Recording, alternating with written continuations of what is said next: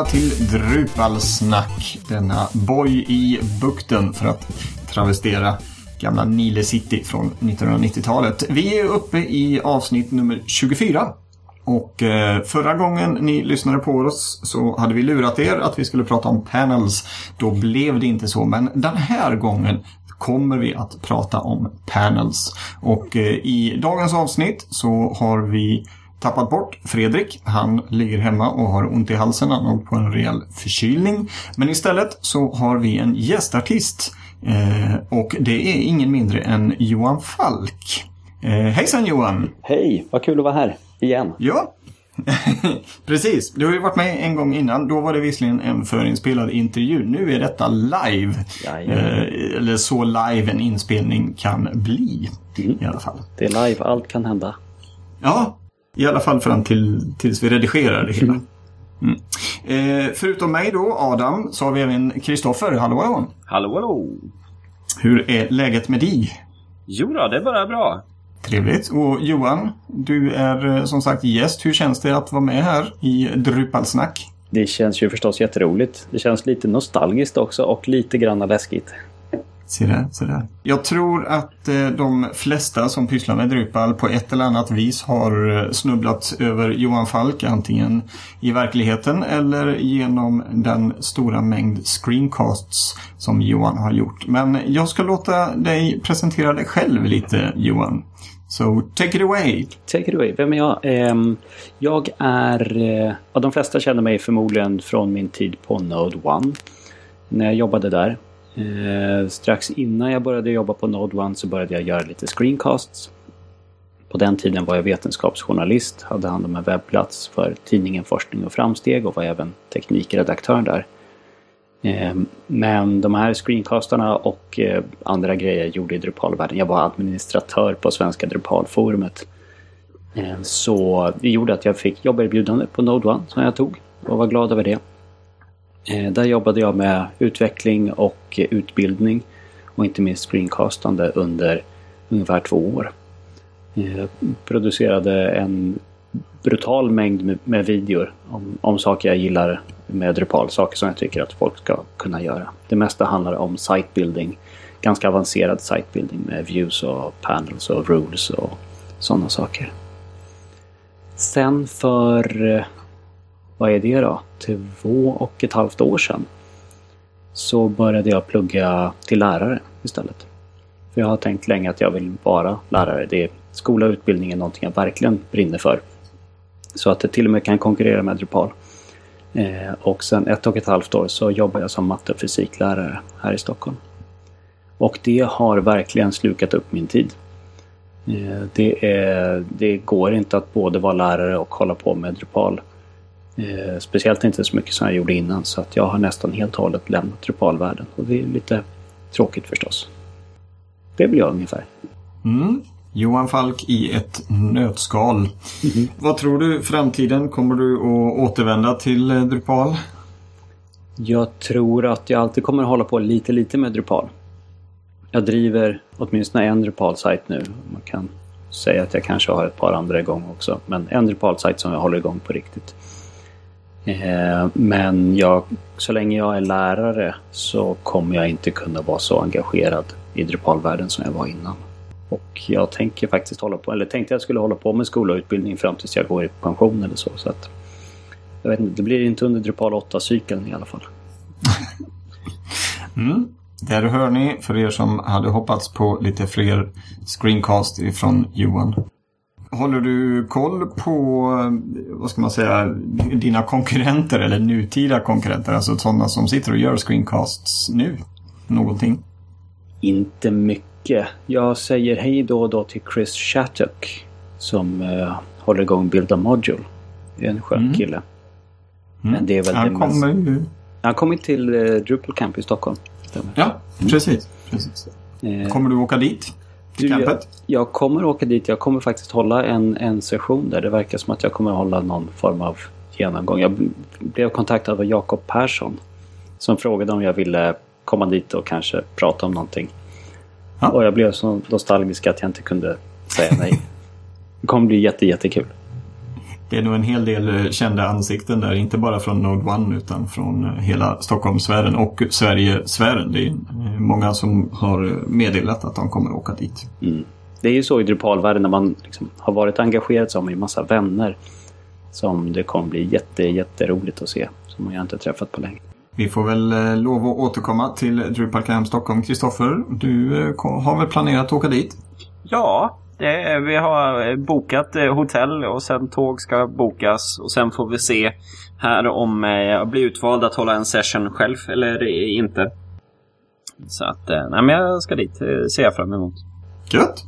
Ska vi gå över till avsnittets huvudtema då, Panels.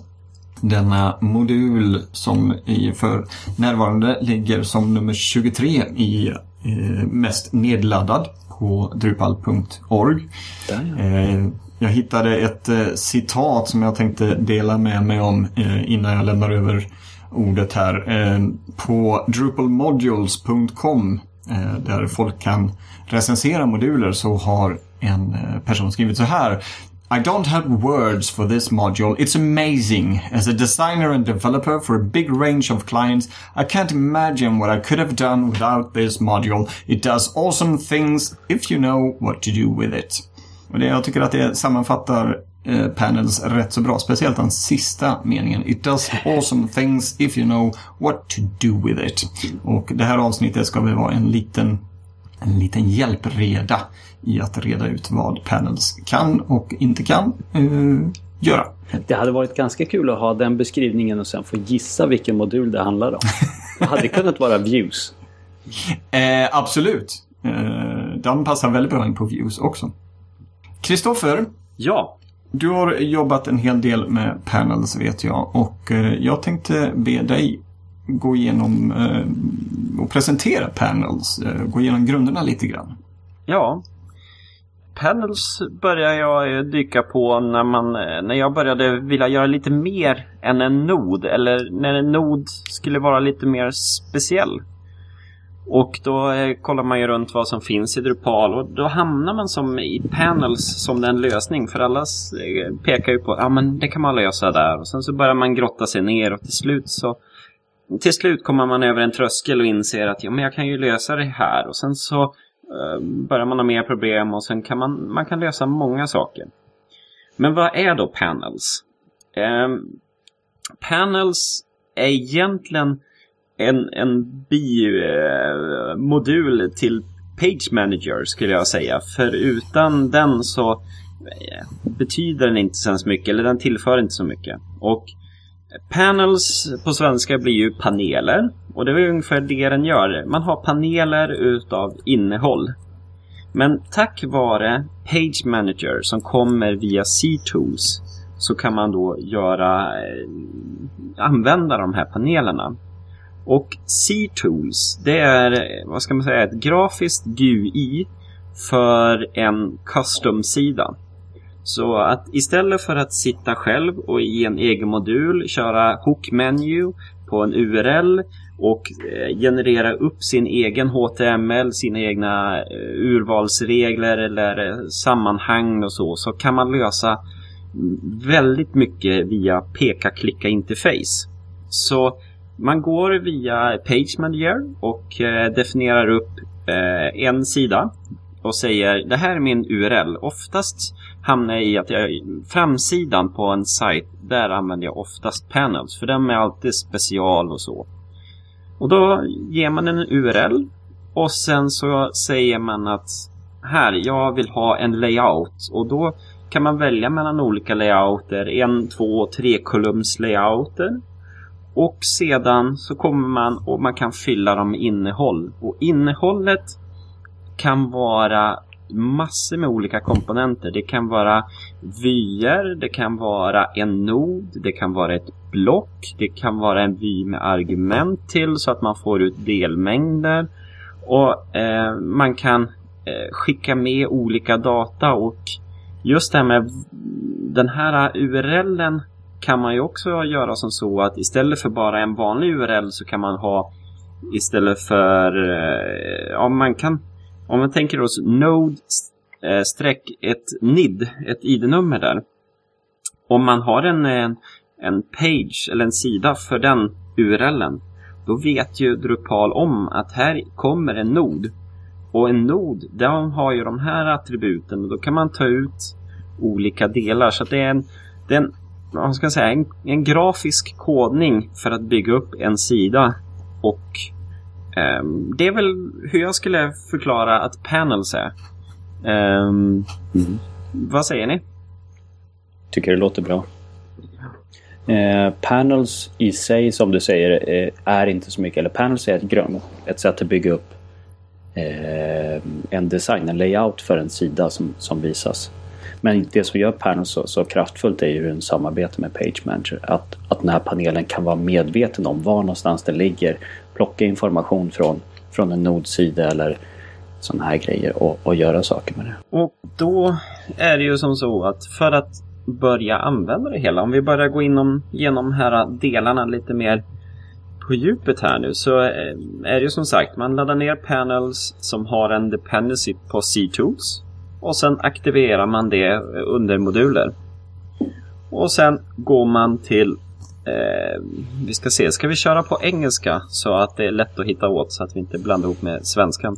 Tycker jag låter bra. Då går man under eh, Structure så finns det någonting som heter Pages. Och det finns en som heter Panels där också som kan göra en förvirrad. Men har du igång Page Manager så vill du hellre gå till Pages än till Panels. Det stämmer väldigt bra det. Och då får man upp en lista av eh, olika URLer som redan finns, som är gråmarkerade. Och det är fördefinierade URLer från systemet.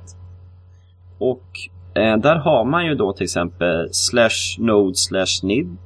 Eh, node slash eh, nid slash edit. Och sedan eh, finns det fler sådana här och då kan man eh, overrida dem.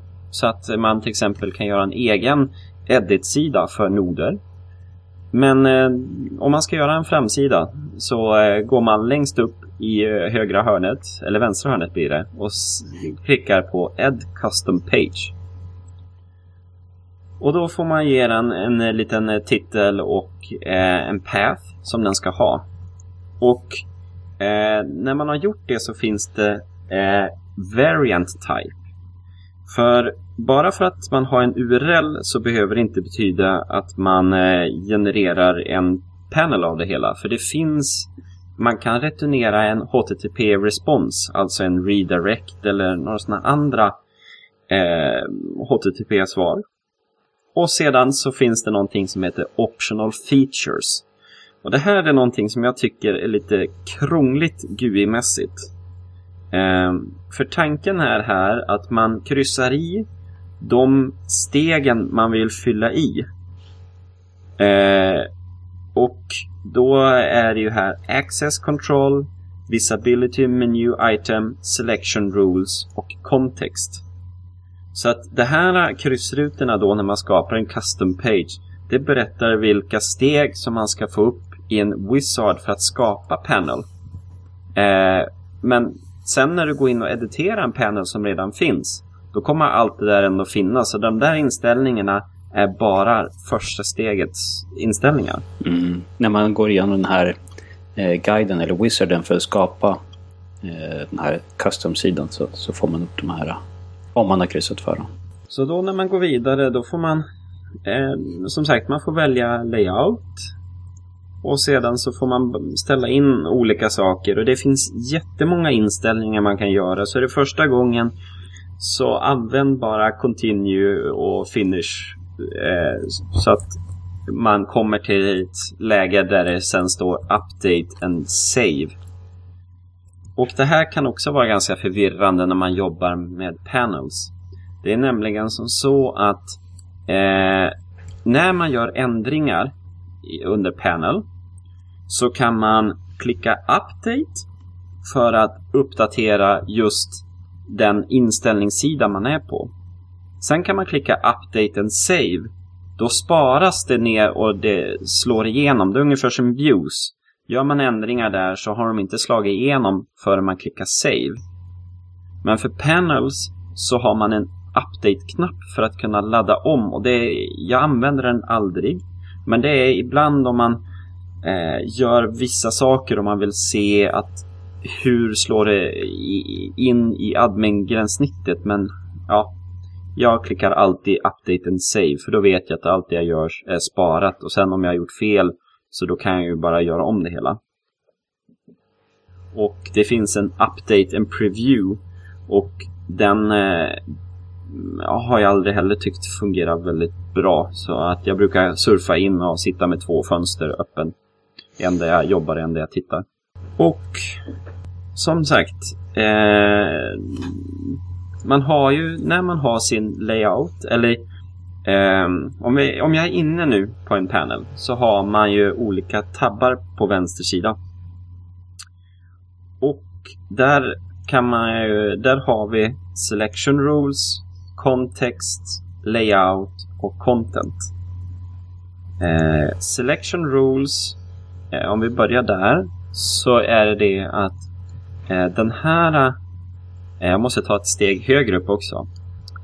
Bara för att jag har en URL så behöver inte den generera ett och samma eh, panel.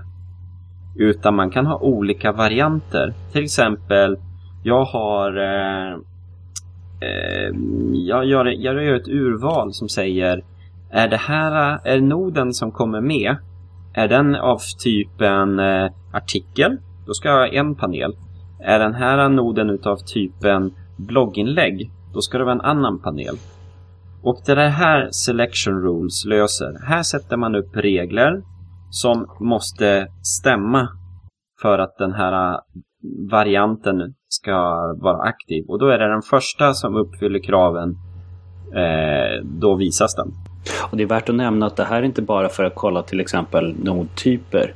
Utan man skulle kunna säga om besökaren som kollar på den här noden är författaren eller har behörighet att redigera sidan. Då ska vi visa lite extra saker så att man kan snabbt uppdatera innehållet eller se hur många visningar den här artikeln har eller vad det kan vara. Ja. Det finns en drop-down med massor med olika saker. Så att det är bara ens egen fantasi som begränsar en vad de här reglerna begränsar en.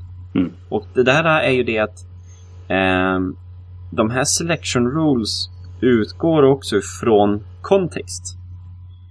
Och kontext, om vi, det är alltså vad finns det för variabler och vad finns det för data tillgänglig? Och här är värt att nämna att det här är inte kontext på samma sätt som kontextmodulen. För att det finns det en del som blandar ihop eller blir förvirrade av för att använda samma namn. Och här är ju då att här kan man lägga in eh, dels statisk data, att man läser in en specifik nod eh, eller man eh, tar in en användare. Men om man har till exempel i URLen, om det skickas med en nod eller NID så kan man ju ta ut den noden och sen kan man som säga det att ja, men den här noden den har taxonomy och då kan jag ju lägga en relationship till den taxonomy så då kan jag ju få med parent-kategorien. Och då, då finns det som med i panel. Att då kan jag visa innehåll och jag kan använda den i selection rules och jag kan använda den i tokens. Och det här är ju då ja, ett, det är kontext för det hela. Det är, när man funderar lite grann så är det ett väldigt bra ord för vad det egentligen betyder. Det är sammanhanget med alla ens variabler och data som finns tillgängligt.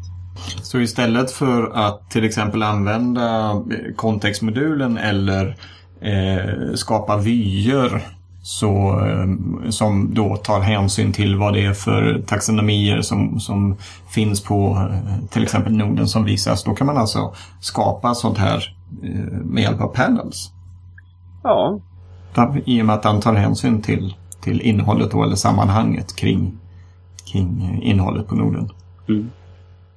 Absolut. Sen kanske man vill ha en vy ändå inuti den panelen som visar senaste kommentarer eller relaterade artiklar eller, eller annat som den här författaren har skrivit.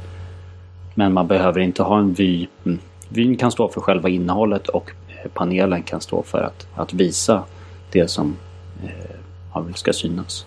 Mm. Herregud vad kul det är med Drupal. ah, så kan det vara. Och sen just det med layouterna, om vi tänk, där är ju det, det finns ganska många fördefinierade. Men det finns någonting som heter builders. Där man kan bygga upp sin layout dynamiskt. Eller, eh, eller det, man bygger upp den i WebGUID. Sen så gäller den för alltid då. Men eh, då kan man ju välja hur många kolumner man vill och lägga på CSS-taggar och olika saker. Så där kan man eh, riktigt eh, vara fri i layouten på sidan. Och där kan jag känna ibland att det är väldigt praktiskt att bygga en egen layout när man har fått en Photoshop-fil från en designer som har ett, ett tänk i sitt huvud och det matchar inte in. Då kan man via Builders bygga den layouten för det blir så mycket enklare sen då i CSSen att ha eh, rätt block och inkapsling på, eh, på de olika delarna. Mm. Man kan koda ihop en egen layout också. Eh, som, som en liten C-tools-plugin. Mm. Eh, om man vill det. Den här bildern hade åtminstone på min tid en tendens att, att lägga på ungefär 300 divar. Eh, vilket kan bli jobbigt om man ska tema eller bara att man får ont i ögonen också. Eh, det sy syns ju inte den renderade HTML förstås men eh, det, den lägger på ganska, eller la på ganska mycket på den tiden. Och det kan man slippa om man gör en custom eller skriver en liten egen plugin. Det stämmer. Den, är, den lägger på hellre en div för mycket än för lite. ja, och som utvecklare vill man ju kunna sova gott om natten. Så att eh, ju färre divar desto bättre. Faktiskt, faktiskt. Om man, riskerar, om man inte gör det så riskerar man också att Mårten eh, DK kommer att svära åt en. Just det. Sånt kan hända. Ja. Och sedan när man är inne på content. Det är ju där man fyller med innehåll. Och då är det det för de här olika regionerna man har då. Och det här är det att eh, i Drupal-teman så har man ju regioner. Och man har vänster och höger eh, block och man har en header och sen har man main content. Panelen kommer hamna i main content. Den kommer fylla upp hela det utrymmet. Och om jag då har sagt tvåkolumnig panel så kommer main content bestå utav två kolumner i sin tur. Så att man fyller upp som en delmängd i, i sin sida. Det är inte hela sidan som tas över utan det är bara main content. Och där har man som sagt, man har kugghjul med de här olika eh, regionerna, panelregionerna. Där man kan lyfta in olika data. Och här eh, här skulle vi kunna prata oss less om allt som finns. Men eh, det, är, det är att klicka runt och se vad som, vad som finns där. Det finns allt möjligt och som sagt vad som dyker upp där det är beroende på också vad man har i sin kontext. En av de roligaste kontexterna som man inte är medveten om att den faktiskt finns från början. Det är eh, eh, formulärredigering av en nod. Så om man använder den kontexten. Från en nod man kollar på kan man dra in den här edit-kontexten. Eh, från den då kan man plocka in så här, lägga in ett fält för att redigera nodens rubrik eller nodens ingress eller något sånt. Så då kan man direkt på visningssidan ha en, ha en liten ruta där man säger här kan du ändra nodtiteln eller vad man nu vill ha. Så då blir det lite in-place editing? Det blir det. Lite. Fast fulare. Ja, det får jag hålla med om. Just eh, den funktionaliteten har jag inte sett eller eh, ens tänkt tanken. Att, eh, där har vi ett eh, bra tips. Lite snabbt, eh, alltså man kan ju lägga till vanliga block, man får tillgång till viewpanes, views och widgets, existerande noder, minipaneler och allt möjligt sånt. Så att man kan ju verkligen lägga till allting i, i en panel utav vad som finns på ens, ens Drupal-installation. Och när man har slagit igång Views Content Panes och, och börjar förstå hur argument fungerar tillsammans med Panels och Page Manager då kommer man aldrig mer vilja bygga en vanlig vy med ett block eller en full sida eller sånt. För Content Panes är så mycket mer kraftfullt. Mm. Man har sån, sån kontroll på datan som skickas fram och tillbaka. Det nästan är löjligt. Mm. Så eh, hur skulle du säga att en view panes är för någonting? Om du sammanfatta det i kort, vad är, vad är det? Eh, view panes är typ som att bygga en block. Det, det är en displaytyp för views. Ungefär som att bygga ett block i views. Men eh, eh, ett av problemen med block är att du kan inte ta emot argument. Så att blocken är mer eller mindre o, eller blocken är ovetande om var någonstans de bäddas in. Sen kan man säga åt blocket läs eh, från eh, URLen som är aktiv just nu så kan man lista ut vilken sida man är på, vilken nod som visas eller vilken användare eh, användarsida som visas eller sådär. Men eh, det är ett ganska, eller det är ett fult sätt att hämta in data för man gör antaganden om var någonstans det här blocket används som inte nödvändigtvis stämmer. Använder man Views Content Panes istället så kan man säga åt Panels att hämta den här vyn och skicka med det här argumentet. Skicka med ett nod-id eller skicka med ett användar-id eller skicka med någonting som, som eh, vyn kräver för att den ska kunna, kunna bäddas in för det är angivet i, i Content Panen. Och sen kan då Views Content Pane reagera på det och visa den data man är ute efter. Det är ganska likt, eller det här sättet som Page Manager och Panels jobbar med, med data överhuvudtaget är ganska likt det som jobbades på ganska länge för Drupal 8 som hette typ Blocks Everywhere. Del av Whisky-initiativet. Som jag tror, det här vet ni bättre än jag, men jag tror att det eh, sköts på framtiden för att det blev för stort för att få med till Drupal 8. Känner ni igen det? Inte mer än till namnet. Men eh, sen, det är ju inget som har dykt upp i eh, informationen kring Drupal 8. Så att eh, som du säger, det är nog något som inte har kommit med på något, på något sätt. Ja, okej. Och View paints då, det är ju som sagt ett väldigt enkelt sätt att ta in eh, eller skapa vyer baserad på data som man har. Eh, de här, eh, vad ska man säga, panes eller vad man kan kalla dem, de här delblocken och så. Det är någonting som man själv kan skapa också via kod. Och det här är någonting som då finns via C-tools som kallas plugin. Eh, och egentligen så går det att skapa plugin både som content, som kontext och som selection rules. Så då kan man skriva sin egen kodsnutt och det kanske rör sig om 10-20 rader kod. Så får man in den i Page Manager och i panelen och man kan använda det hela. Och det här är någonting som jag har börjat använda mer och mer. Och jag tycker det är, är väldigt kraftfullt att kunna få lägga in precis sin egen specialkod bara på ett, vis, ett litet ställe istället för att behöva göra allting manuellt i någon egen, eh, egen hårdkodad sida. Utan eh, jag hade till exempel en, eh, en sida där man hade en, en, en huvudbild. Och eh, den skulle ju bytas beroende på vilken sida man var på. Men den huvudbilden eh, den satt ibland på noden, ibland på en taxonomy term.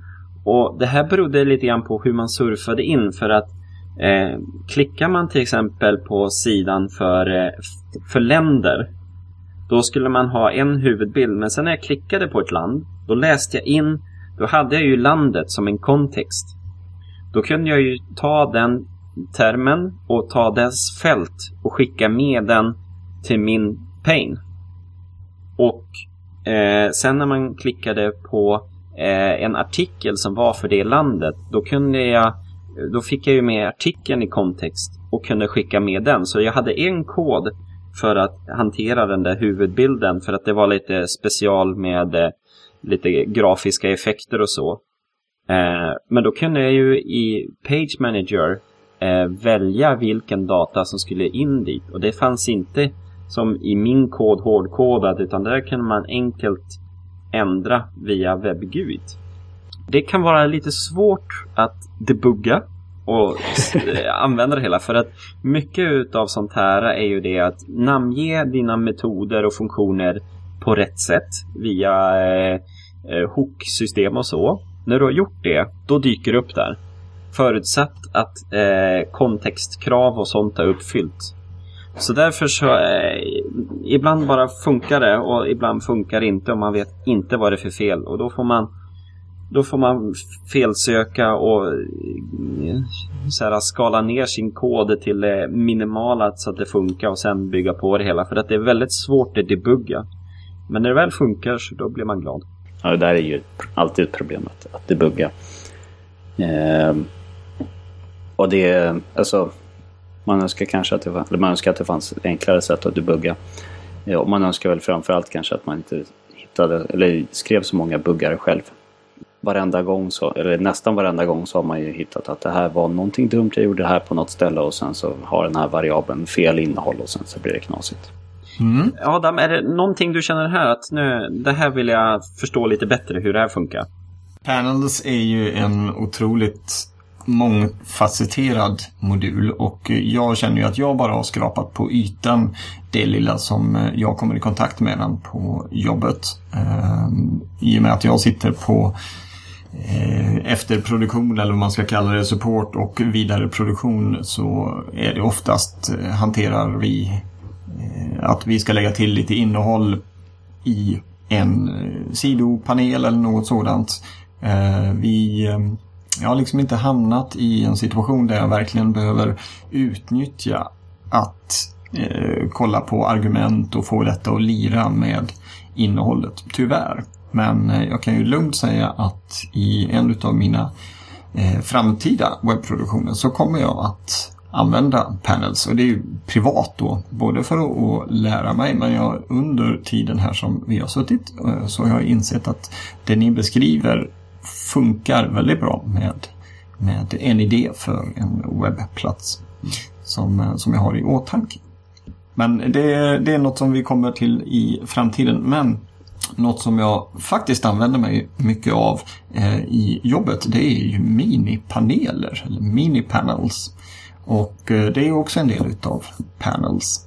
Eh, hur, eh, Johan, minipaneler fanns väl eh, när du satt med panels också. Det är ju ingen nyhet som har kommit till på sistone. Redan på min tid.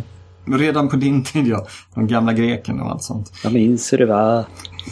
Hur, eh, hur ofta använder du minipaneler? Jag, Gjorde du inte det? Jag använder nästan aldrig minipaneler. Jag använder dem när jag kände att eh, eh, att jag ville kapsla in flera panelrutor till en enhet av en eller annan anledning. Det kunde vara till exempel för att låta en kund redigera en viss del i en panel, lägga in visst innehåll eller byta plats på saker. Då var det mm. bra, en bra möjlighet att göra en minipanel av det. Eller när jag av någon anledning ville kombinera ihop tre olika saker till en enhet och återanvända det många gånger. Så där, eh, författarens eh, foto och ett namn och lite beskrivning kanske. Mm. Sådär. I, I övrigt eh, mycket sällan.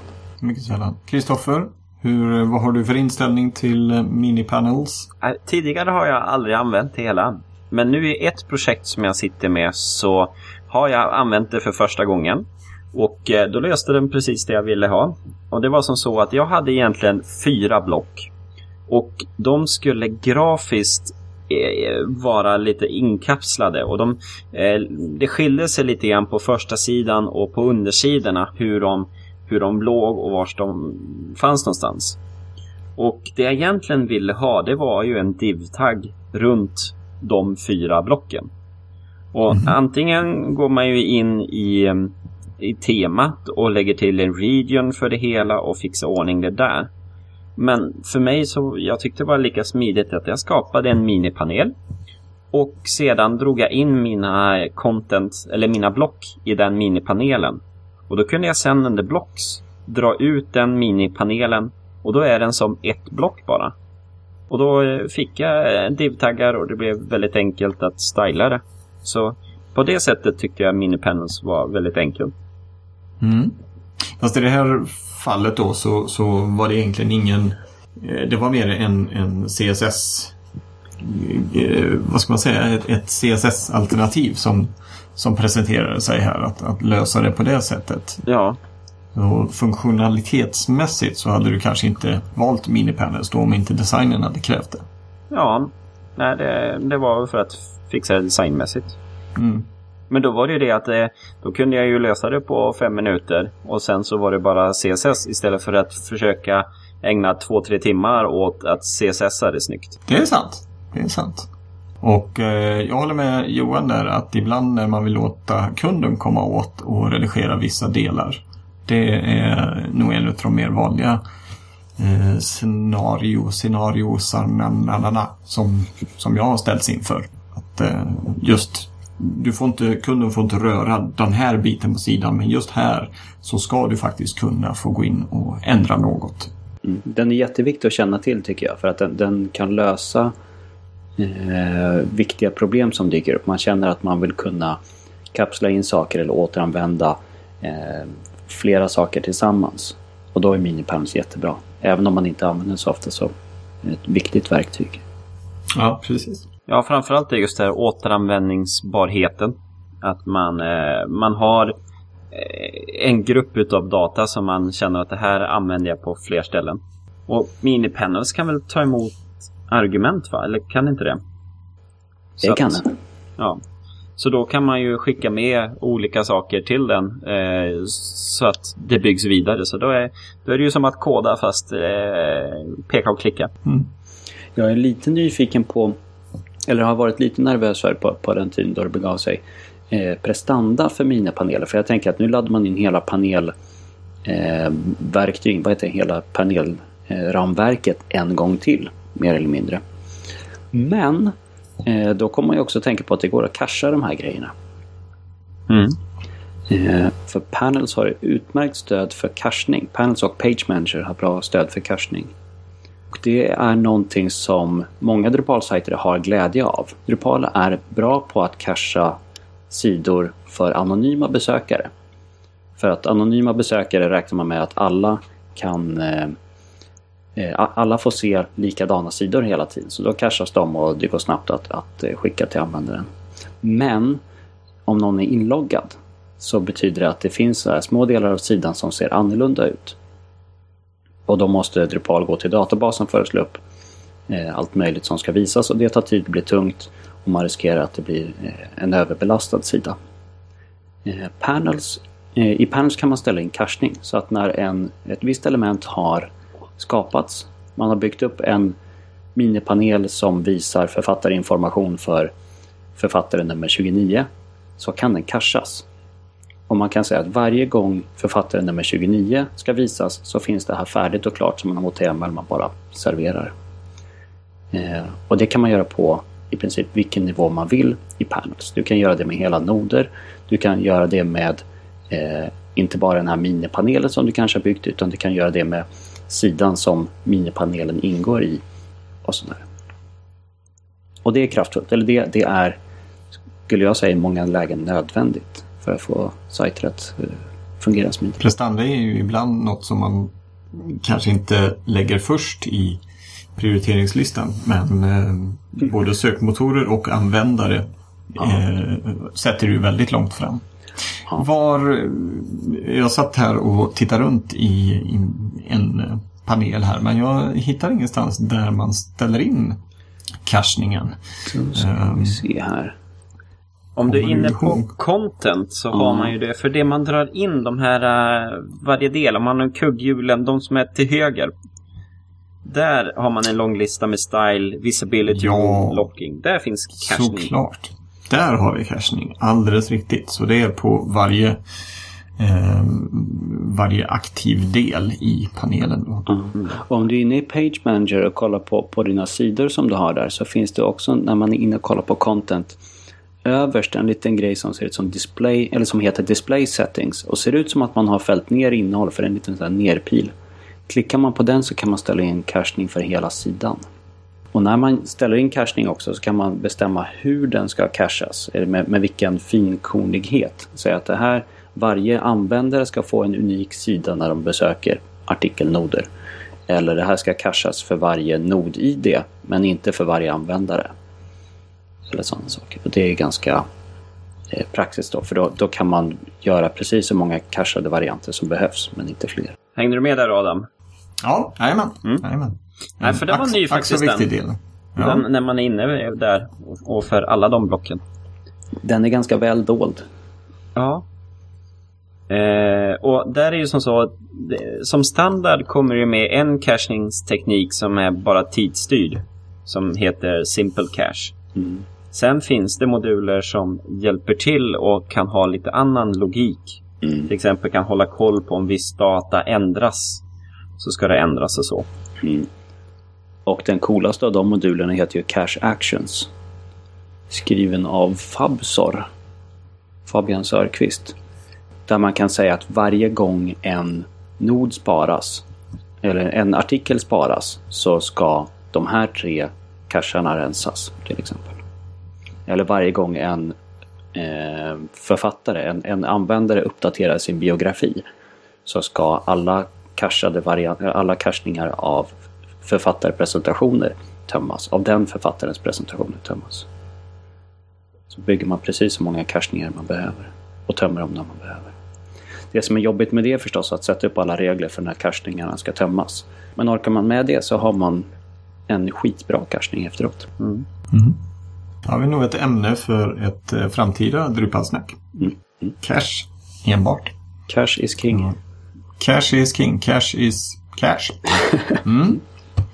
Yes, vi går vidare. Vi har även också något som heter, eh, eller man kan exportera paneler också. Eh, Jag tror det var du Kristoffer som la till den puck, pucken här i vårt lilla Trello-board. Ja. Eh, eftersom eh, Panels och eh, Page Manager är så hopbundet med C-Tools. Och eh, C-Tools har ju som styrka att de kan exporteras till kod via features. Så alla panels och allt det man, inställningar man gör där går då att exportera ut till en feature och flytta med till en annan sajt. Så att om man har sin dev-sajt och man har en produktionssajt så kan jag ändra mina eh, panels och sådana saker på, eh, på utvecklingsservern. Spara ner det som kod och sen så går jag till produktionsservern och så säger jag eh, uppdatera med senaste koden och återställ så att det blir enligt koden. Och då har den nya funktionen kommit med. Allt det man har gjort, allt det här kodandet har följt med och finns i kod. Och det, det, jag har inte upplevt något problem med det. Det har fungerat väldigt bra. Eh, så att eh, det ska man ha åtanke. Behöver man ha ett sånt flöde eh, så fungerar det här väldigt bra. Och det behöver man ha tänkte jag säga. Mm. Om man inte tycker om att göra live-uppdateringar på, på en sajt som är uppe och, och, och kör. För det är läskigt. Det är precis eh, sånt arbetsflöde man, man vill ha. Mm. Då så. När, när, nu har vi pratat lite om panels, vad det är och så. Och när, när ska man använda panels? Eller rättare sagt, man kanske ska vända på det. När ska man absolut inte använda panels? Eller så besvarar vi båda frågorna också. Vad, vad säger du Johan? När, när eh, ska man absolut inte använda panels? För mig så skulle jag säga att enda anledningen att inte använda panels är att du vet att det här är en snabb sajt. Du kommer inte behöva göra några anpassningar eller mer komplexa saker där panels gör nytta. I så fall kan du låta panels vara. Men eh, i alla andra lägen, åtminstone för mig som, som gillar panels och tycker om att jobba på det viset, så är liksom, panels ingår i min standard, standardinstallation. Jag gör inte så här speciella nodsidor med eh, vad heter det? template-filer speciellt för olika nodtyper. Jag bygger upp panelsidor istället för nodtyper. Eh, och jag bäddar inte in eh, views-block på, på olika sidor utan jag använder views content panes. Det, det är inget snack om det. det. Det är så mycket bättre. Eh, Kristoffer, har du något, något tips eller man ska säga, något råd när man absolut inte ska använda panels? Eller håller du kanske med Johan rakt av? Jag brukar, jag börjar så här, eh, om man tänker sig en, en nod, då brukar jag utgå ifrån att eh, ja, men om jag kan eh, göra den, kanske display suit för att få till lite små saker, då kör jag det. Men eh, så fort man känner att det här blir lite avancerat, istället för att hitta speciallösningar med hjälp av annat, då går jag över till panels. För att där vet jag att där kan jag lösa allting. Ehm, och en ställe där jag oftast använder det, det är som jag säger, det är startsidan. Alla de här udda sidorna som kunder vill ha och som inte är en nod utan det är samling utav data lite här och där. Då kör jag pennen. Så eh, om man sammanfattar det då så är det egentligen väldigt, väldigt enkla sajter. Då finns det egentligen inget behov av panels. Eh, men så fort det blir lite mer komplicerad design och upplägg och visning av innehållet, då kan panels gå in och eh, lyfta både kanske eh, hanteringsmässigt för administratören såväl som enkelheten sen att, att förändra och ja, förändra innehållet. Och panels, det, det, det som många, eller så här, det, det som man kan ha emot panels är prestanda eh, kostnader. Men använder man cachning så är inte det ett problem. Man kan dessutom kosta på sig att stänga av Blocks-modulen. Om man kör panels. Och då kommer man spara prestanda. Då kommer sajten bli snabbare än vad det var innan. Mm. Alright, så byt ut Blocks mot uh, panels. Do it. En annan fråga här. Hur, eh, Eh, när det kommer till eh, UX för eh, ja, hur eh, vi släpper in användarna i panels. Eh, de vill kunna redigera vissa sidor, vissa noder och liknande. Hur, eh, hur gör ni med sådana saker? Eh, säger ni till kunderna att nej, absolut inte, ni får inte, den här texten är satt, ni får kontakta oss ifall det är någonting. Eller hur, hur löser ni sådana grejer? Kristoffer, hur känner du igen dig i, i, ja. min fråga? Ja, det finns eh, två sätt att lösa det hela. Eh, det ena är ju som sagt att använda panels, att man har en nod, till exempel startsidan, man har en nodtyp som heter start eh, page eller något sånt. Som användaren har rättighet att redigera i. Och sen använder man datan därifrån för att styla det på rätt sätt. Eh, men det, och då kan man ju lösa ganska mycket saker. Eh, Fredrik har visat mig här i veckan, eller om det var förra avsnittet, det här med boxes. Det är, eh, det är ungefär som block, fast det är eh, man kan sätta rättigheter på dem utan att ge rättigheter till andra. Och de eh, går att exportera ut till kod och då följer innehållet med. Så att just fotnot och eh, sån statisk data fast eh, användaren ska ändå kunna ändra lite grann. Då kan Boxes vara bra att använda. Det låter trevligt. Fråga på det. Använder den C-tools? Vet du det? Ja. Det gör den? Ja. Den använder det mm. och kör exportables. Så att, eh, den är, det är väldigt bra för just sån statisk data. Och det var någonting jag lärde mig här eh, de senaste två veckorna.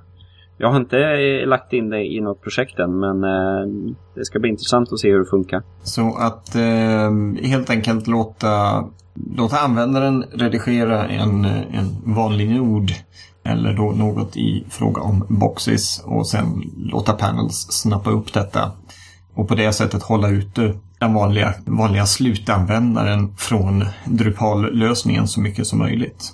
Det ett bra tips. Det är precis så som eh, jag hade gjort också. Jag ville se ifall ni mer vana panels administratörer hade eh, kommit med något annat tips. Ja, ja, vi gjorde en annan sak. Nu var det ett tag sedan jag var, jag var igång på det viset. Men eh, jag minns på Node 1, eller ett problem som vi hade, eller en sak som vi ofta stötte på var eh, kunder som ville kunna ändra layouten på sidor.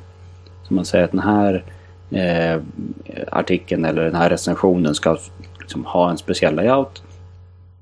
Eh, och det är någonting som man då förmodligen vill använda panels för.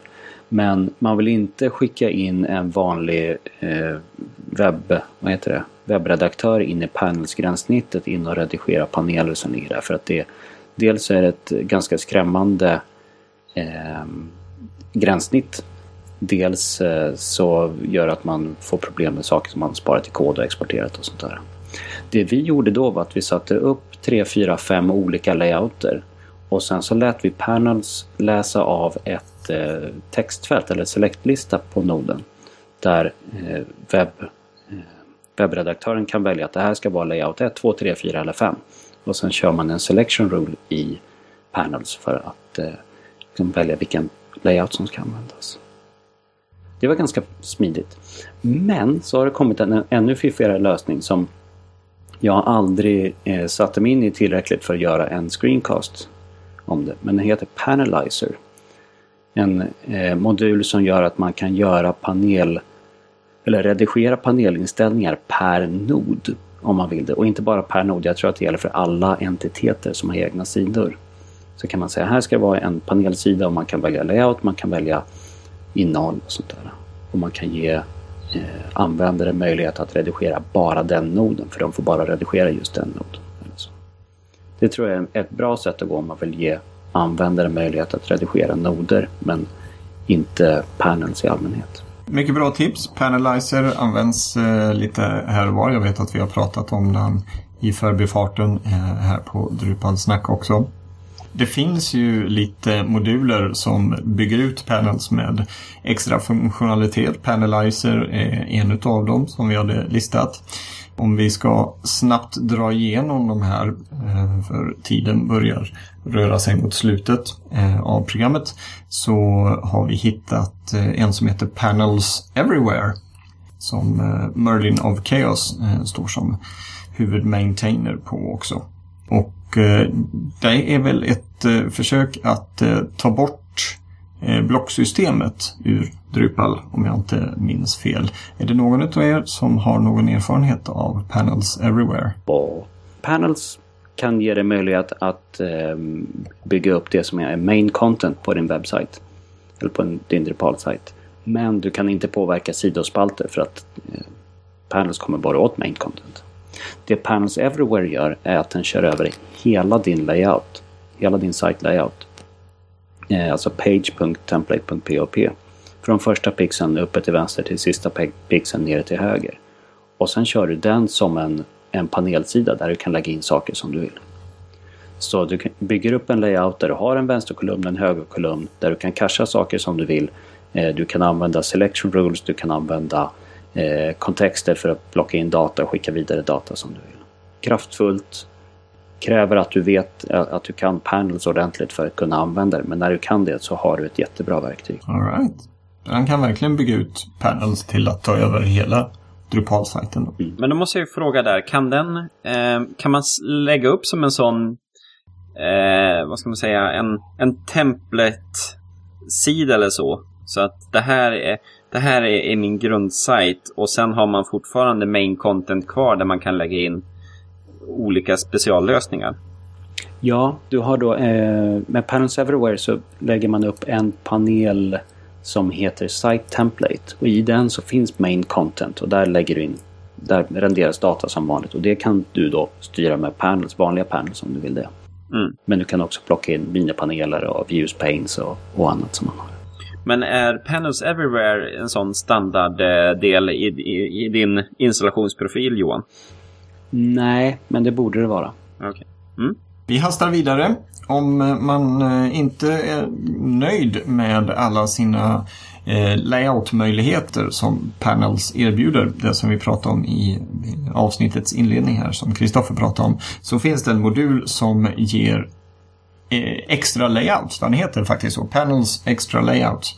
Och jag såg någon siffra här med hjälp av Alltså man får fler möjligheter att, att uh, få ihop fler layouter och tillsammans så kan man skapa upp till 153 664 olika layouter från en enda template.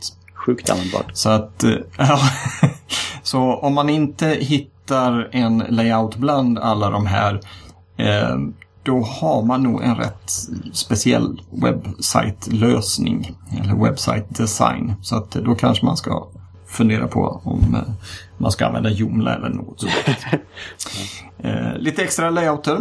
För de som använder Ubercart eh, så finns Ubercart Panels. Jag har inte använt Ubercart för Drupal 7 och knappt för Drupal 6. Men eh, det här är en, eh, ska se här, eh, det är en basic integration mellan Ubercart och Panels via C-tools. Så att eh, för er som använder Ubercart för Drupal 7 så kanske den här kan vara något att titta närmare på. Och använder man Commerce så har man entiteter och entiteter fungerar bra med panels. Så då behöver man ingen extra modul för det. Mm.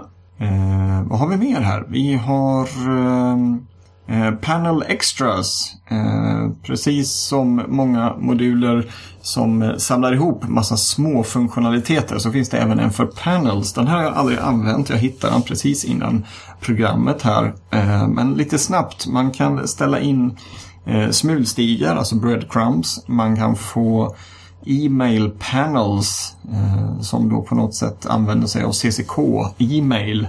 En eh, modul som jag vet inte ifall man använder så mycket just för sjuan i och med att eh, entiteter har tagit över mycket sådant.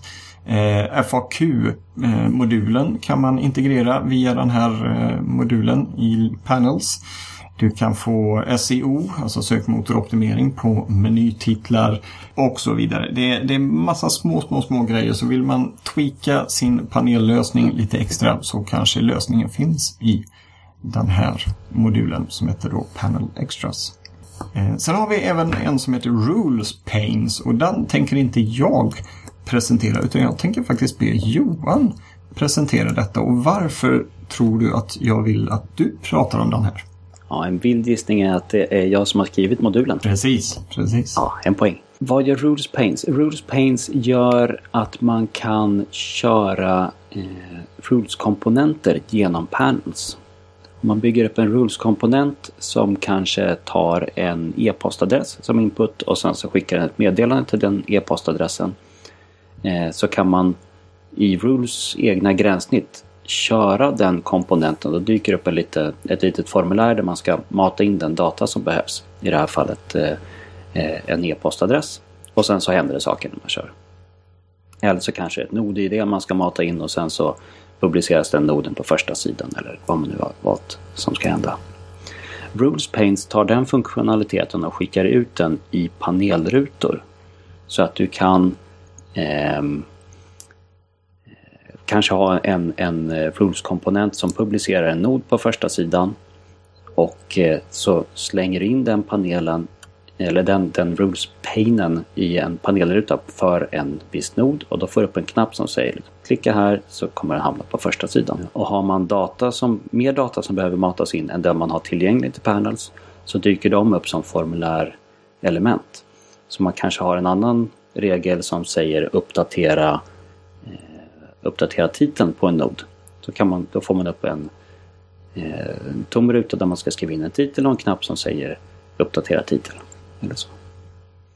Ganska fiffigt. Om man, om man vill kunna manipulera eh, noder eller användare eller någonting annat som visas så, så kan man göra på det viset. Tack så mycket.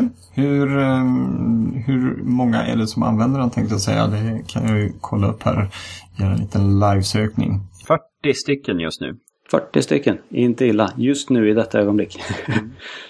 Men du söker ju gärna någon som eh, kan ta över projektet eftersom du är lärare. Så att har vi någon av våra lyssnare som känner att ja, men nu börjar jag bli ganska duktig på, eh, på eh, panels-kodandet och C-tools så tror jag du eh, Johan är väldigt eh, glad om någon tar över det hela.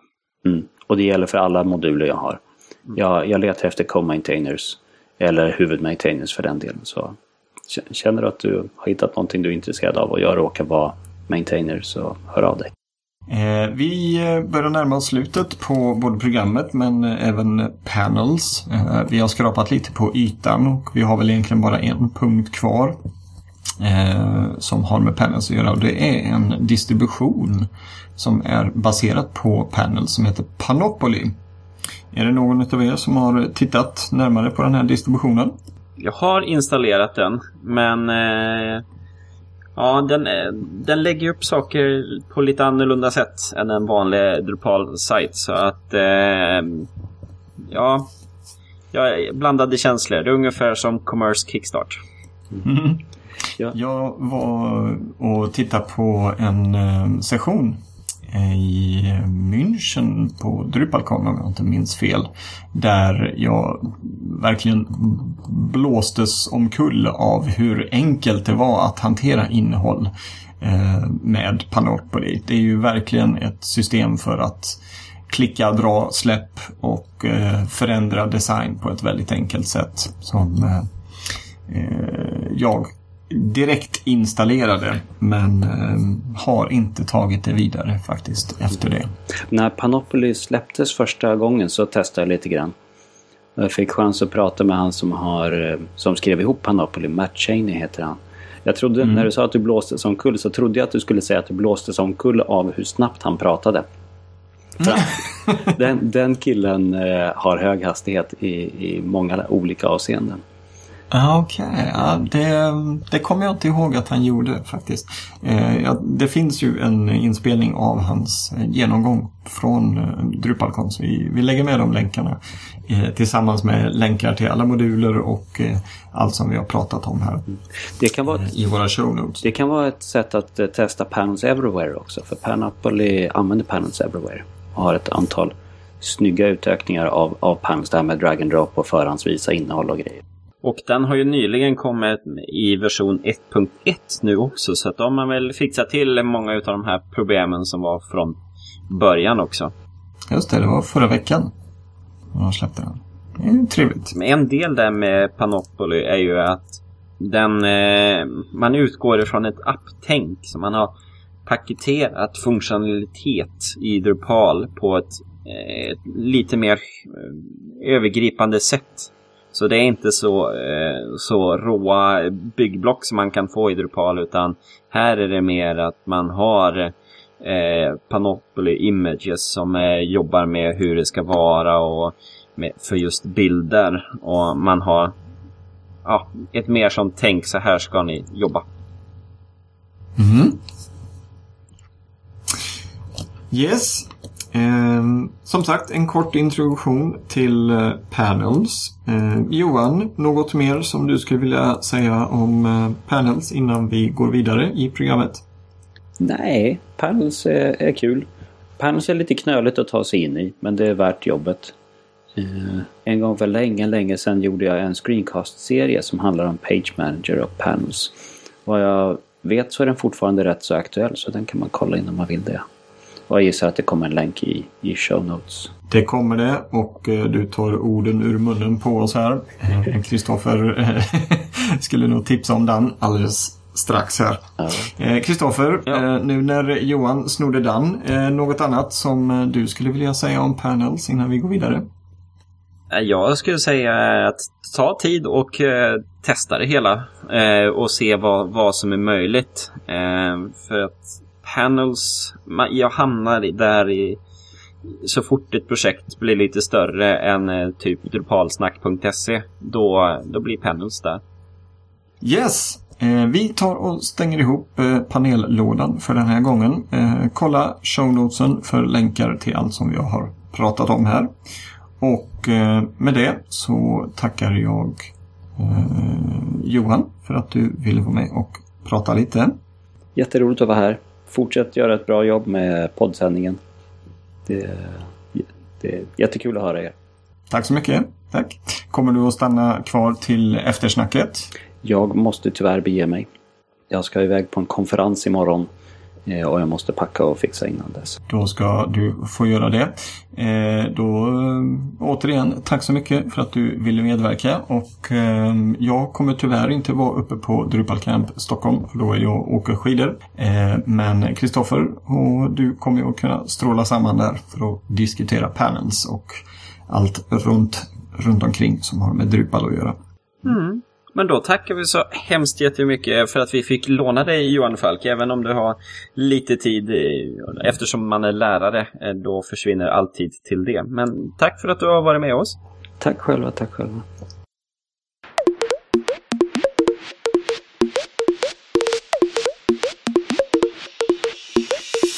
Drupal Snacks.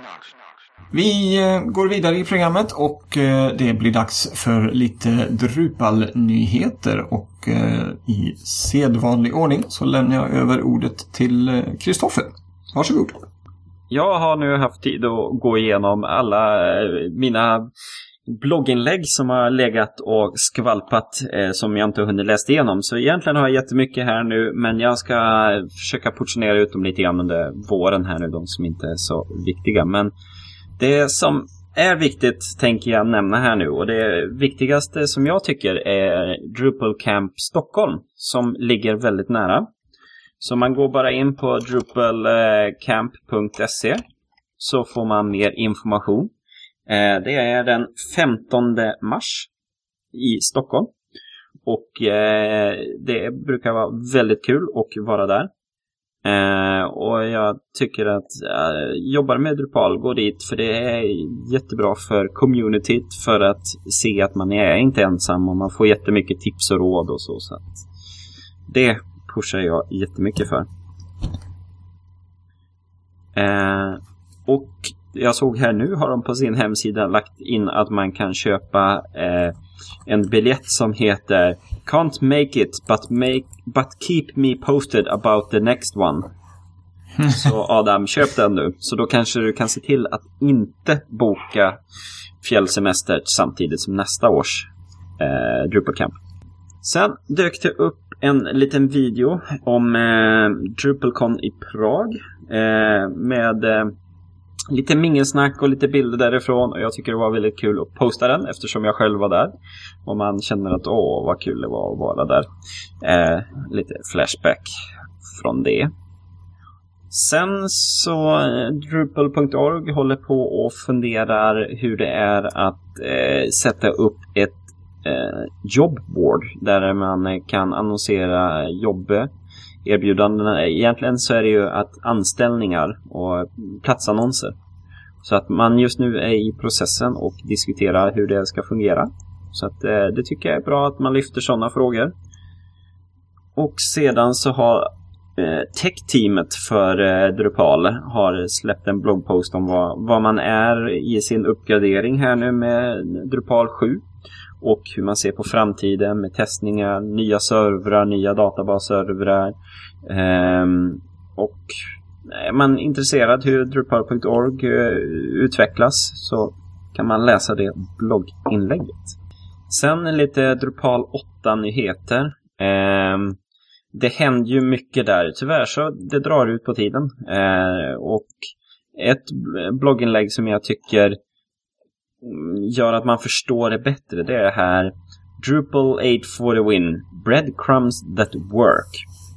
Där Larry Garfield eh, berättar lite grann här om breadcrumbs. Hur eh, dels ta upp hur det fungerar i sjuan och hur saker och ting inte fungerar på ett bra sätt där. Medans i åttan så blir det här eh, egna, en, eh, egna klasser och plugin och eh, man har inte en global variabel man jobbar emot som man har i sjuan utan här eh, har man bättre hooksystem och det är klasser och plugin och man märker hur på ett sätt hur avancerat det blir men samtidigt förstår man varför det måste bli så avancerat för att man ska kunna lösa alla olika fallen. Så att det var intressant att läsa om det hela och jag tror att Drupal 8 kommer att bli väldigt bra men det är väldigt mycket som har ändrats i själva core-programmeringen. Och det måste man ha i åtanke att det kommer att ta tid eh, för att det är så mycket som ändras. Men Gud kommer knappt ändras någonting. Det är, det är en del men det är inte så mycket som det händer i koden. Nej, precis. Den stora delen händer ju bakom eller under huven mm. för alla som sitter och, och, skriver moduler och utvecklar och även då eh, knackar kod för många, mm. många lösningar. Så att absolut. Eh, jag är ju ingen programmerare av rang, men jag har ju förstått att eh, det är en investering för framtiden det här och Eh, utöver bara kodförändringen, de grejerna som har dragit ut på tiden, bland annat CMI, Configuration Management Initiative och Migrate eh, modulens eh, intågande i Drupal 8 som gör att du med, på ett enkelt sätt kan migrera från eh, tidigare Drupal-sajter kommer ju att lyfta eh, Drupal något enormt. Eller det kommer bli väldigt mycket enklare att uppdatera och flytta över eh, information mellan dev-sajter och produktionssajter till exempel. Mm. Och där har man ju nu just tagit det steget och eh, man har i koden nu eh, verkligen tagit bort de här eh, hook update från 7 till 8 så att eh, nu är det verkligen bara migrate som fungerar för 8. Mm. Eh, sen har man också en bloggpost som visar på att man ändå går framåt. Och det är det här. Change records now needed before commit. Och det innebär att nu om, om API ändras så måste det bli en, en sån eh, change record för, API, eller för dokumentationen. Så man måste ha det färdigt eh, för dokumentationen att saker och ting har ändrats. Och när det är godkänt att eh, dokumentationen får ändras, då får koden ändras också. Så att det, det har blivit lite krångligare att ändra API, men det betyder att man känner sig mer och mer stabil nu. Vi har ju ändå haft lite nya sajter här under veckan. Etcetera.se har fått en Drupal 7-sajt. Eh, nu ska vi se vilken som eh, gjort den. Det är nog de själva som har gjort den. Var det det? Ja, det kanske det var. Jag såg nyheten, men... Eh, ja. Och sen så har vi Oikios Editorial Office. En, eh, ett förlag där som har fått en ny sajt av Happiness som har producerat den. Och sen så var det en bloggpost här om Emmy Award. Det är inte någon ny sajt men de eh, jobbar ju, det är en Drupal-sajt och det här var en bloggpost hur årets Emmy gick och hur man jobbar för att få det att funka. Och jag tyckte det var lite intressant just när man läser här att ja, eh, de kör ju Amazons eh, webbcloud och de har 11 stycken webbservrar med 8 CPUer och 30 gig minne var. Och, eh, och det här är frontend-delarna. då. Och sen har man ju eh, databasservrar som man använder Amazons till. Så att eh, eh det är stora sajter och eh, det verkar ju funka. Men det är en rejäl belastning. Sen har vi också två jobberbjudanden. Eh, en webbutvecklare sökes till Shoutly. Eh, kännedom om Drupal är meriterande. I alla fall så är det, krävs god kunskap i POP, JavaScript, CSS och MySQL. Så att en, en POP-utvecklare med en Drupal-kunskap är nog bra att ha då. I, I Stockholm kanske vi ska säga. Ja. Att det var. Centrala Stockholm. Till och med. så vi, vi snackar inte Solna eller något sånt nu här, utan nu är det mitt i smeten. Ja. Och för er som inte bor där då så kanske ni bor i Dalarna. Eh, för där söker Dalarnas studentkår en IT-ansvarig. En, eh, en 25-procentig arvodering eh, vid kåren och platsen är Falun eller Borlänge. Och eh, det är att jobba med deras föreningssidor, nyheter och sådana saker. Och så är du student där så ska jag säga hoppa på det här. Eh, du kommer ju få betalt för att lära dig Drupal. Och eh, det är grymt värdefullt. Vill du jobba med webb, eh, om du är student, så att ha det här i CVt gör att du har inga som helst problem att få ett eh, Drupaljobb. Så eh, det tycker jag kan vara väldigt bra att hoppa på. Så det var väl det vi hade utav nyheter. Sen eh, framöver så nästa avsnitt ska jag dra lite modultips och så. Men det, det håller vi ut till nästa gång. Det blir en cliffhanger. en rejäl sådan. Ja, eh, med det så får vi tacka för oss den här gången. Kristoffer, tack för att du var med och pratade. Tackar. Känns mycket. Mm. Och eh, vi skickar ännu ett tack till Johan Falk som var vår gästpratare i det här avsnittet. Som nu har gått vidare med att packa inför en konferens. Och eh, jag som heter Adam Evertsson tackar för mig också. Och eh, för er som vill lyssna vidare på våra sköna röster så kommer det lite eftersnack. Men annars så säger vi tack och hej då. Hej då! Hej då!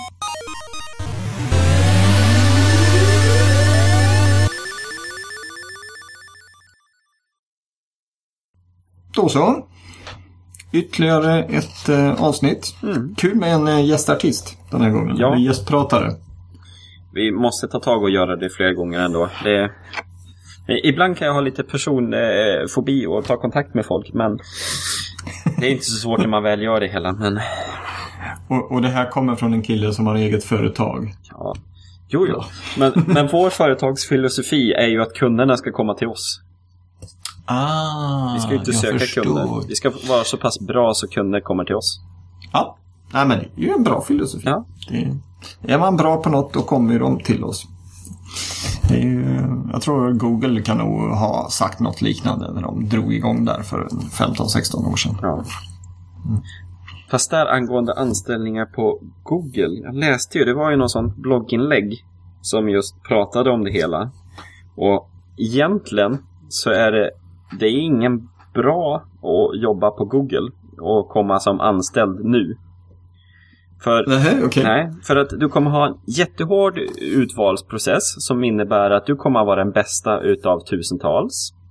När du kommer in i företaget så hamnar du längst ner på kedjan av eh, det hela. Så att du kommer att få jobba med sån här tråkgöra som innebär att se till så att en pixel blir rätt för den här webbläsaren eller en Internet Explorer 6-version eh, och eh, den så här, du kommer ju hamna på de här struntuppgifterna som någon måste göra för att du är ju du är nyanställd.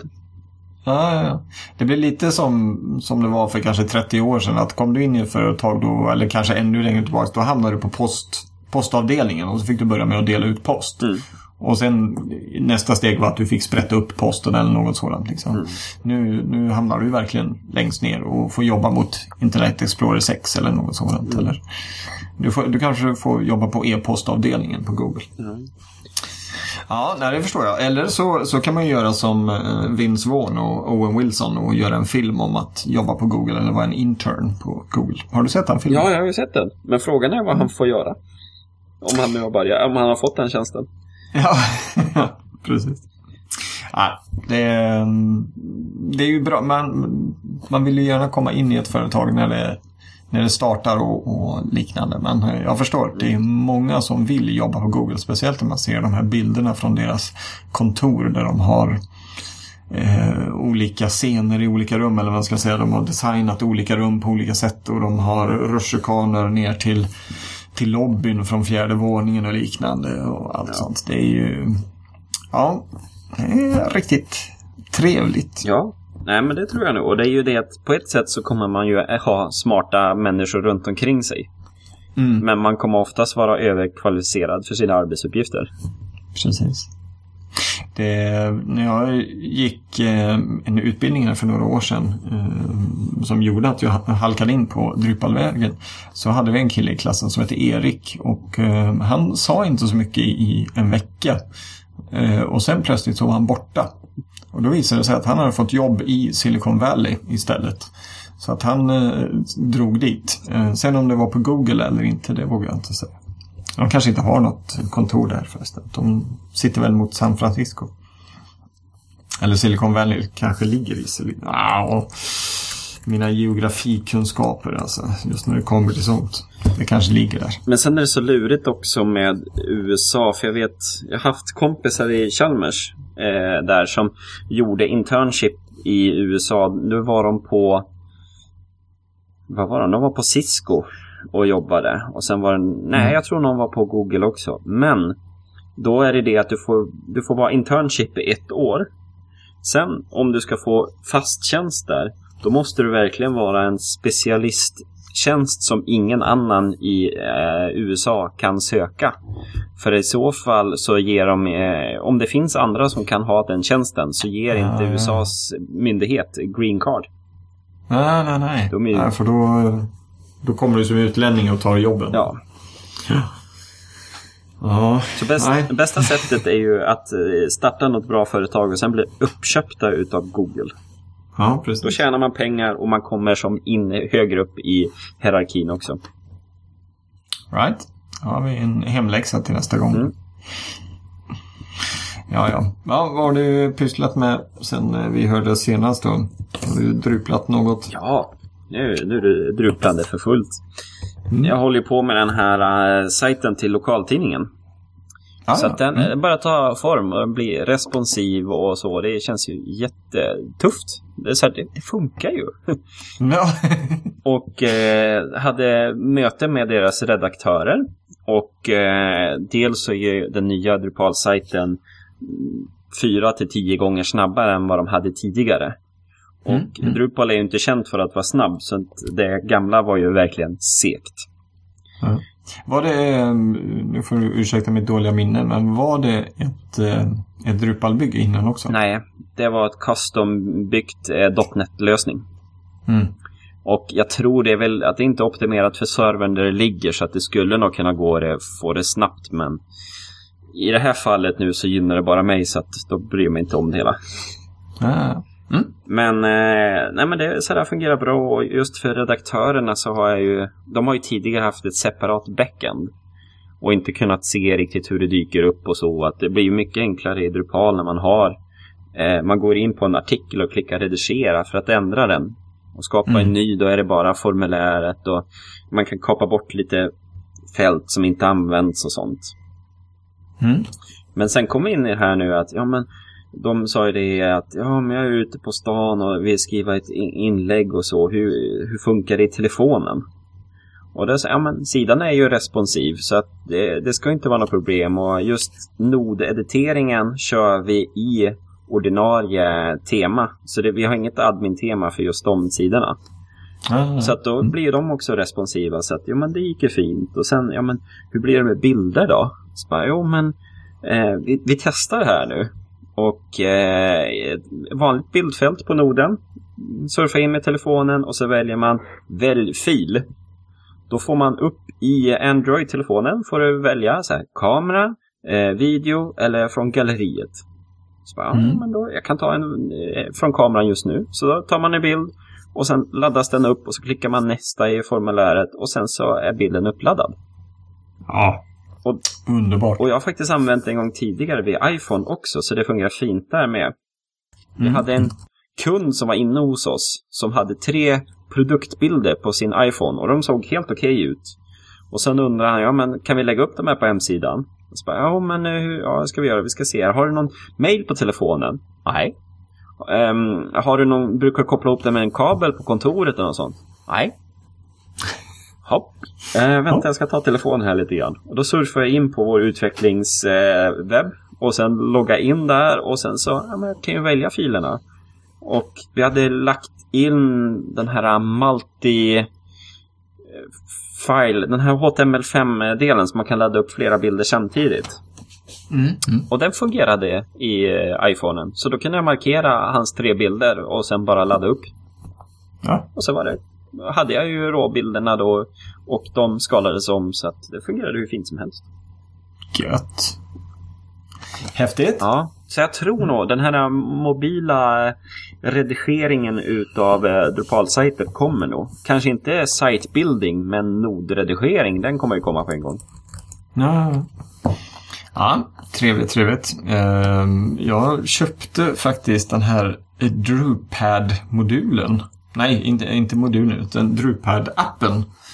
eh, som finns till, eh, till Drupal. Har du, känner du till den? Ja, är det den här... drum- vad heter den? Man, man kan ju helt enkelt eh, i en app eh, koppla in sig mot, eller lägga upp sina Drupal-sajter och så kan man editera eh, innehåll eh, via sin iPad eller iPhone eller iPod till och med. Eh, använde den hyggligt för några år sedan eh, men sen så ja, sen slutade den fungera helt enkelt. Nu ser jag att den har kommit i lite, lite nyare versioner här så att eh, den kanske har blivit, blivit bättre. Men het, är det den som är Drupal Gap? Eh, nej, det är det inte. Utan den- den här heter Drupad. Så om, om man har um, App Store då i sin iPhone så, så heter den Drupad. D-R-U-P-A-D. Eh, och finns även som projekt eh, beskrivet på drupal.org. Men det här är ju bara för iPhone. Ja. Jag vet inte vad... Om eh, det finns någon för, eh, för Android som skulle kunna lösa detta. Men å andra sidan, som du säger, med hjälp av responsiv design så kommer man ju ifrån detta. Mm. Eh, och blir inte heller lika låst. Eh, som, som man är till, en, en, till en färdig lösning. Ja, jag kanske ska dra igång den här sen efter inspelningen. Se om jag kan koppla upp mig mot någon av mina sajter. Den ligger ju någonstans bland alla mappar på, på paddan. Mm. Mm. Nej, men vad kul. Eh, när, när kommer den att lanseras? Har ni tittat så långt? Ja, tanken var väl egentligen nu i februari, början på februari. Eh, Jag ska träffa dem på torsdag. Redaktörerna ska ha lite internutbildning. Och sen får vi se eh, när vi lanserar hela. Det, det kom ju till lite saker så här i slutet på projekten. Så, men kan vi göra det här och det här också? Så att eh, eftersom de har en sajt som ändå är uppe och kör så är det inte kritiskt att få upp den på en gång. Så att eh, vi kanske avvaktar någon vecka till och ser till att slutföra det så allt blir bra. Mm. Mm. Eh, men Ja, eh, när den kommer får- då ska jag göra rejält reklam för den. Ja, precis. Ta upp den här i Drupalsnack Ja. också såklart. Nej, då skulle vi kunna desikera den också och berätta hur den är uppbyggd. Det är ju inte så, eh, så farligt att berätta hur den eh, är byggd som. Nej, nej men det skulle ju kunna vara ett, eh, ett avsnitt. Köra en, en case study på en webbplats. Det har vi nämnt några gånger.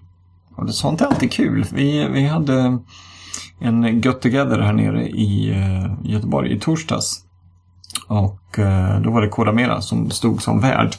Och eh, då satt vi 30 personer ungefär eh, i vårt konferensrum och så var det min kollega Mikael som eh, berättade om Lindholmen, lindholmen.se som snart kommer att släppas.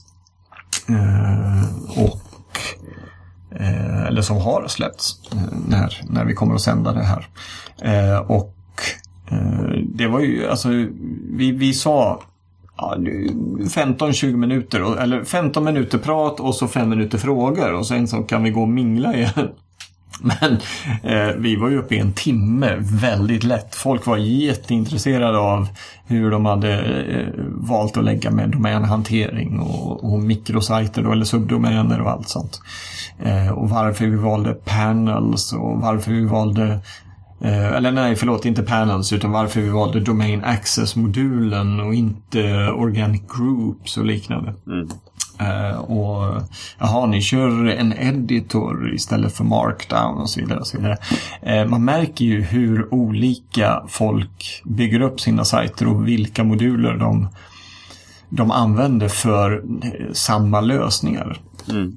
Det är riktigt eh, fascinerande. Och det, jag ska inte säga att det blev hetsk stämning, för det blev det inte. Men eh, det var väldigt sådär, jaha, ni gör så? Ah, ah, så här hade vi gjort det liksom. Just det här utbytet tycker jag är fascinerande. Här sitter ändå folk ifrån konkurrerande företag och så. Jaha, nej men fan, varför gjorde ni inte så? Jaha, okej, ja, nej vi gjorde så. Ja, nej, så kan man ju också göra. Det är ju inte rätt, men eh, vi kan göra så här och så bla bla bla. bla.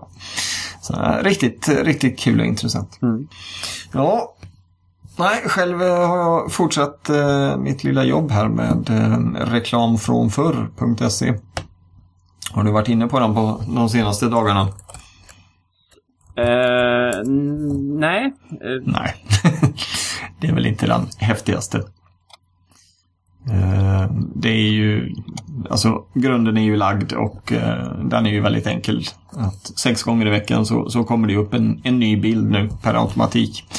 Eh, Jag har tankat den full här så att mm, den står sig till, eh, vad var det, mitten på april tror jag. Eh, under tiden så ska jag fortsätta utveckla lite. Jag har fortsatt, vi blev sjuka här precis när jag skulle lansera den så att vi försvann massa kvällar.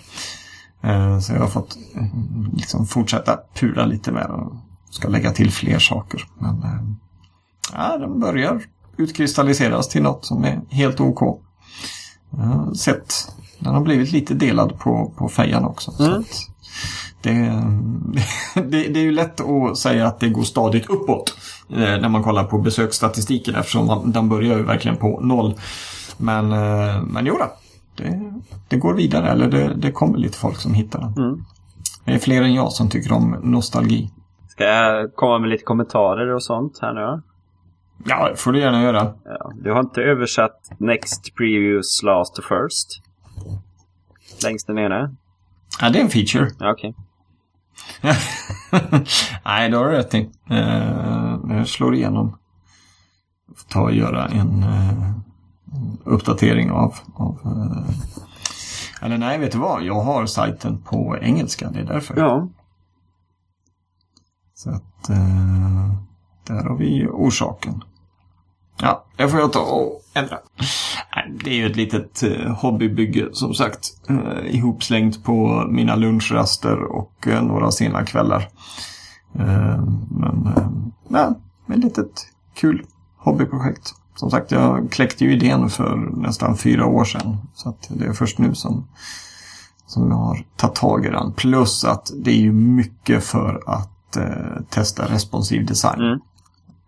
Eh, Jag känner ju att i och med att jag inte sitter med utveckling som, som eh, förstahandsval på jobbet så behöver jag några sådana här grejer för att hålla, hålla intresset, eller inte hålla intresset uppe men att hålla kunskapen uppe. Helt enkelt. Mm. Och eh, nej, som du säger, det funkar. Responsiv design. Mm. Så länge man gör rätt. Ja. Jag märkte, går man under, vi ska se, det finns, är väl få telefoner som har den storleken också. Går man mindre än, eh, går man under 200, 300 pixlar. Går Mm, man under 300 pixlar, då blir det en fullstor sida. det stämmer ju. Det stämmer. Eh, Jag drar gränsen vid 300. Ja. Eh, Mycket för, jag tror att temat jag använder, det här Bamboo som jag lyfte fram för, i för förra avsnittet, eh, utgick, utgick från det Mm. helt enkelt. Men eh, nej, ja, jag vet inte vad det skulle kunna vara för, för telefoner som, som har mindre än 300. Eh, iPhone ligger på 320 tror jag. Ja. Men, eh, men visst, det kanske finns några som används. En gammal HTC Desire säkert. Ja, eller någon Nokia med VAP. Ja, du får ju kolla i Google Analytics och se vilka du har som surfar in, vad de har för skärmupplösningar. Mm. Det är absolut, det kan man göra. Det är sånt vi använder på jobbet för att visa hur, eh, hur många som, som surfar mobilt. Eh, när man pratar med kunderna. Just för att eh, de bara, nej men vadå, alla sitter ju på en dator, det är klart vi ska ha 1280 pixlar brett. Mm, 47,9% av dina besökare sker ifrån eh, mindre device, eller från mobila devices. Mm. Aha. Oj då. Oh, det är lite sådär. Oh fan. Är det så? Det, det märker jag ju själv. Herregud, jag surfar ju som bara den på, på vissa sajter. Vissa sajter sitter jag bara på, på eh, desktop. Men eh, när man är ute på spårvagnar, på bussar, ute på stan för att hitta det ena och det andra. Då är det ju mobilen som gäller alltså. Ja. Otroligt vad man har anpassat sig till att eh, söka information då och där. På samma sätt som att man för 15 år sedan sa då ses vi på den här platsen vid en specifik tidpunkt och kommer du inte där så, så missar du det roliga. Liksom. Nu är det bara, ja vi hörs. Ja visst. Ja, det har blivit så mycket lä- lättare på det sättet. Men jag tänkte det med Google AdSense också. Du har Mm. inte testat de här eh, annonsstorleken som heter följsam annonsstorlek? Jo, eh, det har jag på reklam från förr. Eh, de som ligger mellan eh, noderna på eh, nordvisningen på första sidan. Jag använder ju, det här är ju Okej. ingen, Ja. ingen vy eller något sådant. Utan det här, här använder jag faktiskt Drupals egna nordvisning. Det, är, det är följsamma annonser, så den här håller ju lite koll. Och det funkar sådär. Ja, så länge man inte gör utan större och mindre med, genom att dra i fönstret. Mm. Ja, nej precis. För då, den laddar ju inte om eh, när man förändrar. Nej. Men eh, nej, det jag har märkt är väl att jag har, vi ska se vad jag har för, jag tror det är 600 pixlar bredd i huvudmain. Eh, vad heter det? Eh, huvudcontent. Eh, Ja, 640 ungefär. Mm. Och eh, där väljer Google oftast att lägga in mindre annonser som kanske är 400, vad är det, 468 som var den här klassiska standarden. Så tydligen har de ingen, eh, som passar in just på 640.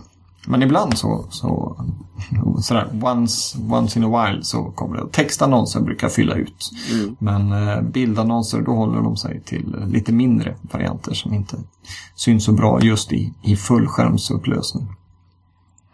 Men eh, nej, jo, jag, jag testade faktiskt det på, på den här. På mina andra sajter har jag, som inte är responsiva, där har jag ju satta, satta storlekar. Mm. Men eh, jo då. Det, jag har väl fått in sådär 17 öre eller något sånt där på två veckor. Det är ingen väl, välbesökt sajt Nu sagt. ska vi se här. Eftersom jag inte har någon som helst. Nu ska jag se vilken reklam ska jag klicka på. Hmm. Så att jag inte får massor med skumreklam. Wordpress-reklam. Vad är det här för någonting? Har du, har du googlat på Wordpress? Har jag googlat på? Vad fan alltså. Ja, jag lyckas få upp en massa Adobe-annonser nu hela tiden. Adobe och ehm, eh, eh, akvarieleasing. Det är det som, som jag får ifrån Google. De tycker jag ska hyra ett akvarium. Men det var lite ny reklam här. Den här har jag inte sett tidigare. Det är bra. Det, om, om det är någon ifrån Google som sitter och lyssnar på det här så bara yes! De ser reklamen. De bara inte surfar förbi. Jaha, vad är det här då? Dockskåp i julklapp. Ja, det- Ja, det var något nytt också. Fåtöljer, det ska du få. Eller jag får. Eller... nu. Ja. nu fick du en krona eller två. Ja, ja, ja det, det tror jag inte. Men eh, tack så mycket. Jag bugar och bockar. Det borde du få. Men det är rätt så fascinerande det här. Eh, alltså ju mer man sitter och jobbar med annonser, desto mer förstår man ju hur, hur Google, och, eller inte bara Google, men just det här att Eh, jag märkte det i julas framförallt när jag surfade in för att köpa eh, en legobyggsats. Eller jag, jag, det blev ju inte att jag köpte den på, på nätet. Utan jag, jag bara surfade in på någon sån här eh, stor och liten.se eller lek och play eller allt vad det nu hette. Någon, någon leksakssajt. För att ta reda på vad det fanns för legobyggsatser som, som mina döttrar kunde tänkas få i julklapp. När alla ville ha sina julklappsförslag. Och fortfarande, ja nu är det väl inte så ofta, men liksom direkt när jag surfade in på några andra sajter som hade Google AdSense så var det ju reklam ifrån de här med just Lego Friends då, den här tjejlegot eller vad man ska kalla det. Som dök det upp där. Och det höll på liksom hela januari. Att eh, missa inte detta. Nu är det liksom Lego Friends, nu rear vi, nu har vi detta, nu kommer det nya byggsatser. Så att det hela det här innötningsproceduren, det, de, har ju, de har ju hittat på något bra där verkligen. Mm. Och, och utnyttjar det. Sen är jag ju sån, jag låter reklamen vara på eh, när jag surfar. För då vet jag vad, hur det drabbar mig och hur det drabbar andra. För att det är många som installerar adblocker och så sitter de och Mm. utvecklar själv och sen ser de inte reklam själv och tycker att det är väl ingen fara. Ja, nej, samma här. Jag, jag ser reklamen. Eh, kanske inte av samma anledning som du. Jag, jag är mer lat. och orkar inte. Jag, jag hade något ad, adblocker-verktyg för några år sedan. Det var ju inte adblocker visserligen, utan det var något annat som jag testade. Men eh, det visade sig efter något år att den la in malware i min webbläsare. Så att eh, bort med den. Och sen har det inte hänt att jag har installerat något mer. Jag vet inte, jag, jag, jag tycker inte att jag eh, ser reklamen eller, eller påverkas av reklamen.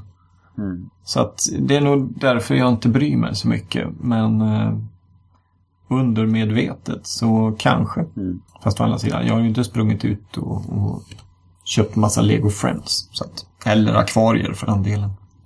Så att jag tror inte att det...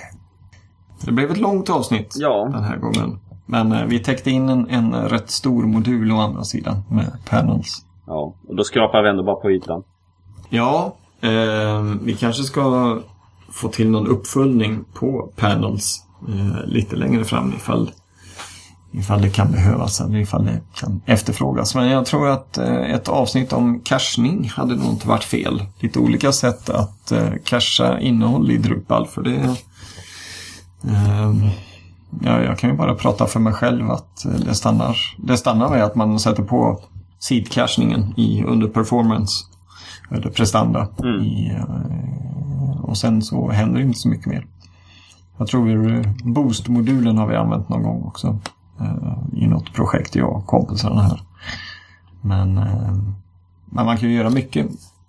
Och, och sprida ut det via sådana här CDN-nätverk eller CD, CD-nätverk, Content Delivery Network som, som Drupalsnack Mm. gör. Och Fredriks och allt sånt. Det, det är sånt jag hade velat titta närmare på. Mm. Men Ja, lite fler idéer. För er som fortfarande sitter kvar och lyssnar eh, så eh, har ni något som ni vill höra mer om på Drupalsnack så tveka inte. Ta lyft luren och ring någon som vet hur, ni, hur de kommer i kontakt med oss. Eh, och eh, vill du inte lyfta luren så kan du kanske twittra till eh, Drupalsnack. Eller helt enkelt gå in på drupalsnack.se och använda mailformuläret som finns där. Vi tar tacksamt emot tips på saker och ting som vi kan prata om. Och eh, Panels var just ett eh, sådant eh, tips. Det kom in i, var det i somras? Kommer du ihåg det ja, Kristoffer? något sånt. Ja, så att eh, vi har en, en, en, ett halvår ungefär bevisligen innan vi tar tag i någonting. Nej, skämt åsido. Men så blev det den här gången. Ja, Kristoffer, Mm. du får ha det så bra. Tack för ikväll. Tack själv. Så hörs vi om eh, två veckor. Och eh, till alla er som lyssnar där ute. Good night America, wherever you are. Eller vad nu rösten i natten sa. Jack Killigan. Ha det så gött allihopa. Hej hej! Hej.